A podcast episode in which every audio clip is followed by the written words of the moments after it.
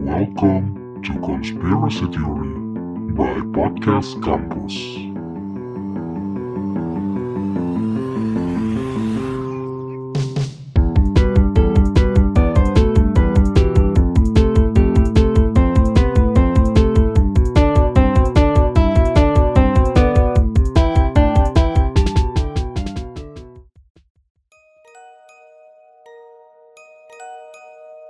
Lagi-lagi cerita soal hantu di UI.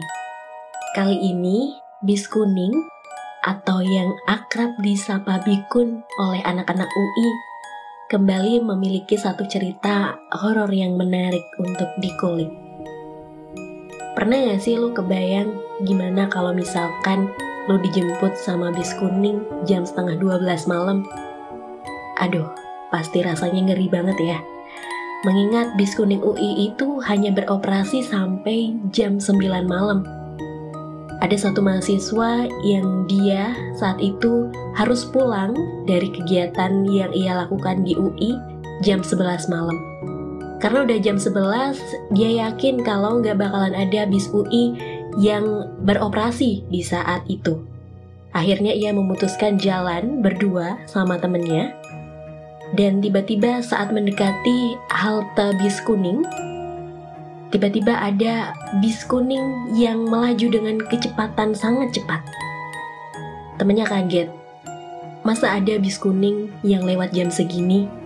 Padahal yang ia lihat di dalam bis itu suasananya gelap dan bahkan kayaknya nggak ada supirnya. Ngapain ya jam segini lewat? Terus Pernah gak sih lo ngebayangin kalau misalkan di depan bis kuning ada sosok nenek yang menggantung? Sosok nenek yang menggantung di luar bis kuning ini juga sering muncul, kata anak-anak UI. Sosok menyeramkan itu kabarnya pernah dilihat oleh beberapa mahasiswa yang menumpang di dalam bus tersebut pada malam hari.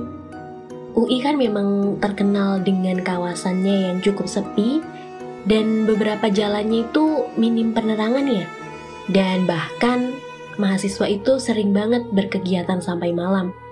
Dari cerita bis UI ini, lo sebagai mahasiswa UI, jangan sampai ya pulang malam dan lewat depan halte Bikun. Kalau lo nggak mau bertemu sama nenek yang menggantung di bis UI.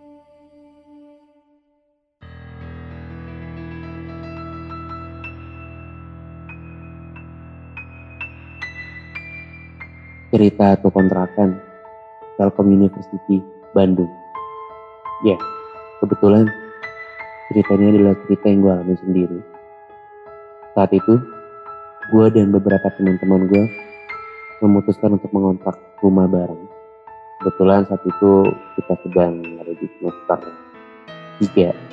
Rumah yang kita kontrak adalah satu rumah yang lumayan besar dengan tiga lantai, ada enam kamar, tiga kamar mandi. Kebetulan kamar gue di lantai dua. Dan memang secara keseluruhan selama enam bulan kita nempatin memang ada beberapa beberapa peristiwa peristiwa yang aneh dan kadang tidak masuk akal. Tapi sebetulnya lagi yang gue alami sendiri. Saat itu lagi zamannya main game online tapi yang mungkin masih zaman sekarang cuman saat itu gue main pada saat itulah. Dan kita asik begadang biar mabar bareng dan kebetulan kamar gue adalah kamar yang gini tongkrongan gitu sama anak-anak. Tapi di malam itu di kamar gue nyari tiga orang, yaitu gue dan temen gue, sebutnya namanya Jamil. Dan satu lagi cewek gue. Posisi kamar gue adalah kamar-kamar kosan yang tidak besar sama sekali. Mungkin kisaran berapa ya? Ya pokoknya yang tidak besar lah posisi kasur di pojok samping kasur itu adalah gantungan lemari samping lemari meja samping meja adalah pintu. Teman gue ketika si Jamil duduk di pintu yang dari pintu.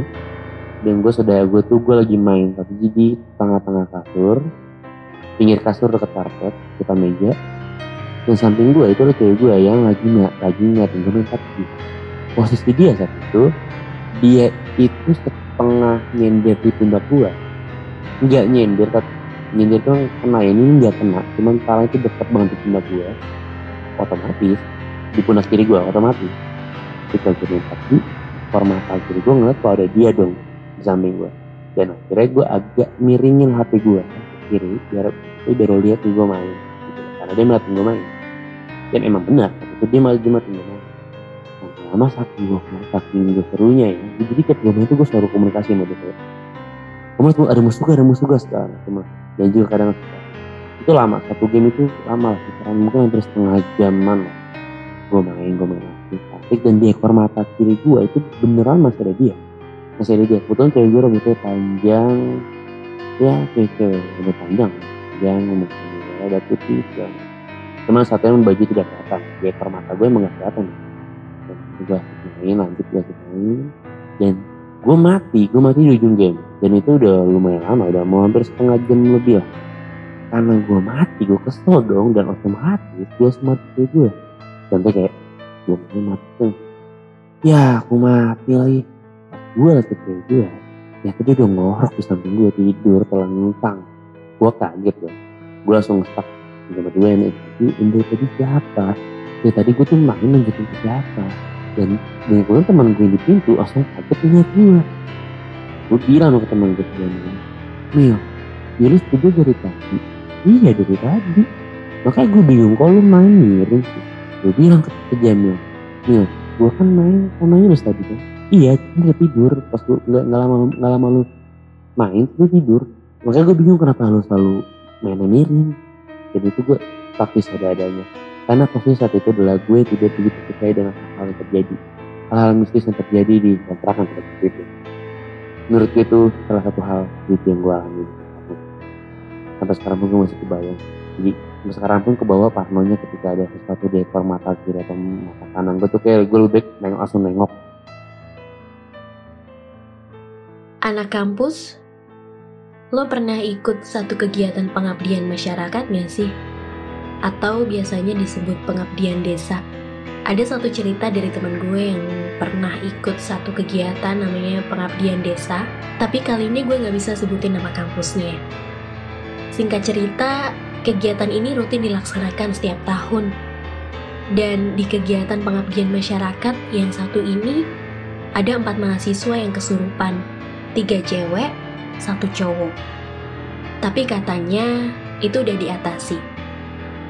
Teman gue ini jadi salah satu anggota yang harus jagain tempat barang-barang dari teman-temannya. Dia sendirian pas itu. Katanya karena dia capek banget, dia tunggu di luar. Dia duduk di sofa, di depan kamar yang digunakan untuk nyimpan barang-barang dari teman-temannya. Waktu dia duduk, dia dengar banyak banget suara-suara yang aneh. Kayak suara orang lewat, suara orang ngobrol, dan katanya ada suara aneh yang gak bisa dia gambarin. Tapi dia masih biasa aja, kayak ya udah deh gak peduli. Padahal di situ nggak ada orang sama sekali, cuman dia sendirian. Kemudian tiba-tiba ada temennya yang hubungin dia untuk tinggalin aja tempat itu. Kunci aja. Kuncinya ada di pintu, kata temennya. Terus pas dia mau ambil kuncinya, ternyata di gagang bagian depan itu nggak ada kuncinya. Nah pas dia mau ambil kuncinya di gagang belakang, tiba-tiba gagang pintunya gerak-gerak sendiri. Oke, menurut dia, dia nggak boleh pergi dia harus nungguin tempat itu. Sampai akhirnya kegiatan itu selesai malam hari. Waktu itu dia maksain pulang bareng sama temen-temennya dan akhirnya mereka tidur di kosan dia bareng-bareng. Satu hari, dua hari dia biasa aja. Tapi yang aneh, ayah dari temanku ini selalu ngecek si temanku. Nanyain kabar apakah dia udah tidur, gimana kabarnya, dan akhirnya dua hari setelah itu, teman-temannya yang lain udah nggak tidur di kosan dia. Dia tidur sendirian. Katanya dia kebangun jam 12 malam sampai jam 3 pagi. Dia main handphone dan tiba-tiba waktu jam 3 pagi dia udah mau tidur nih. Dia ngerasa ada yang meluk dia dari belakang. Padahal dia sendirian di kamar kosannya itu. Tapi dia nggak berani nengok sama sekali dia diem aja Dan katanya semakin lama pelukannya itu semakin berat dan aneh. Akhirnya sampai sekarang dia nggak pernah bisa tidur. Kata ayahnya yang sering nanyain kabarnya dan ayahnya tahu tentang hal-hal mistis, katanya dia diikutin sama penunggu yang ada di desa waktu dia ngikutin kegiatan abdi desa. Buat lo yang sering ikut kegiatan pengabdian masyarakat, hati-hati ya. Jangan sampai ada yang ngikutin sampai lo pulang. Dosen hantu kelas malam di Universitas Ahmad Dahlan. Beberapa tahun lalu, Universitas Ahmad Dahlan sempat dihebohkan dengan cerita dosen hantu. Cerita ini bermula ketika mahasiswa Universitas Ahmad Dahlan dikumpul di satu kelas untuk kuliah malam. Hari itu, dosen datang sesuai waktu. Dan seperti pas pada biasanya, mahasiswa-mahasiswa masuk dalam kelas, duduk di meja. Tapi kelas ini nggak mulai-mulai. Keadaan di kelas saat itu hening berlangsung cukup lama. Tapi tiba-tiba konser ketua kelas berdiri. Isinya pesan dari dosen yang bilang kelas malamnya dibatalin karena sang dosen berhalangan hadir. Ketua kelas yang bingung bilang kalau kelas udah dimulai dan si dosen itu udah masuk dan ketua kelas ini benar-benar bingung pada adanya dan dosen tersebut membalas pesan ketua kelas. Dosen tersebut minta untuk si ketua kelas perhatiin kaki sosok di depan kelas. Dan ternyata kakinya ngambang. Dan si ketua kelas langsung nyebar broadcast ke teman-teman buat keluar, keluar kelas dalam suasana yang hening.